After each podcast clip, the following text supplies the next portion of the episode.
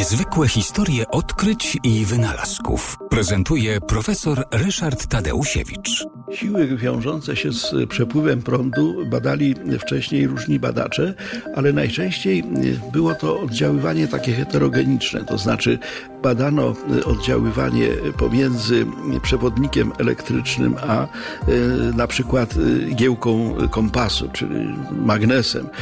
E, Hans Ørsted w 1820 roku prowadził takie doświadczenia i wykazał, że e, przepływowi prądu towarzyszy pole magnetyczne, a to pole magnetyczne może oddziaływać na magnesy, zarówno naturalne, jak i sztuczne.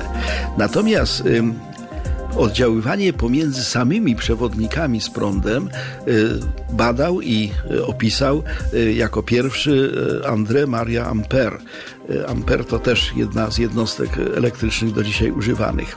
Otóż Ampere w 1820 roku zbadał, że pomiędzy dwoma przewodnikami, w których płynie prąd, oddziaływuje siła.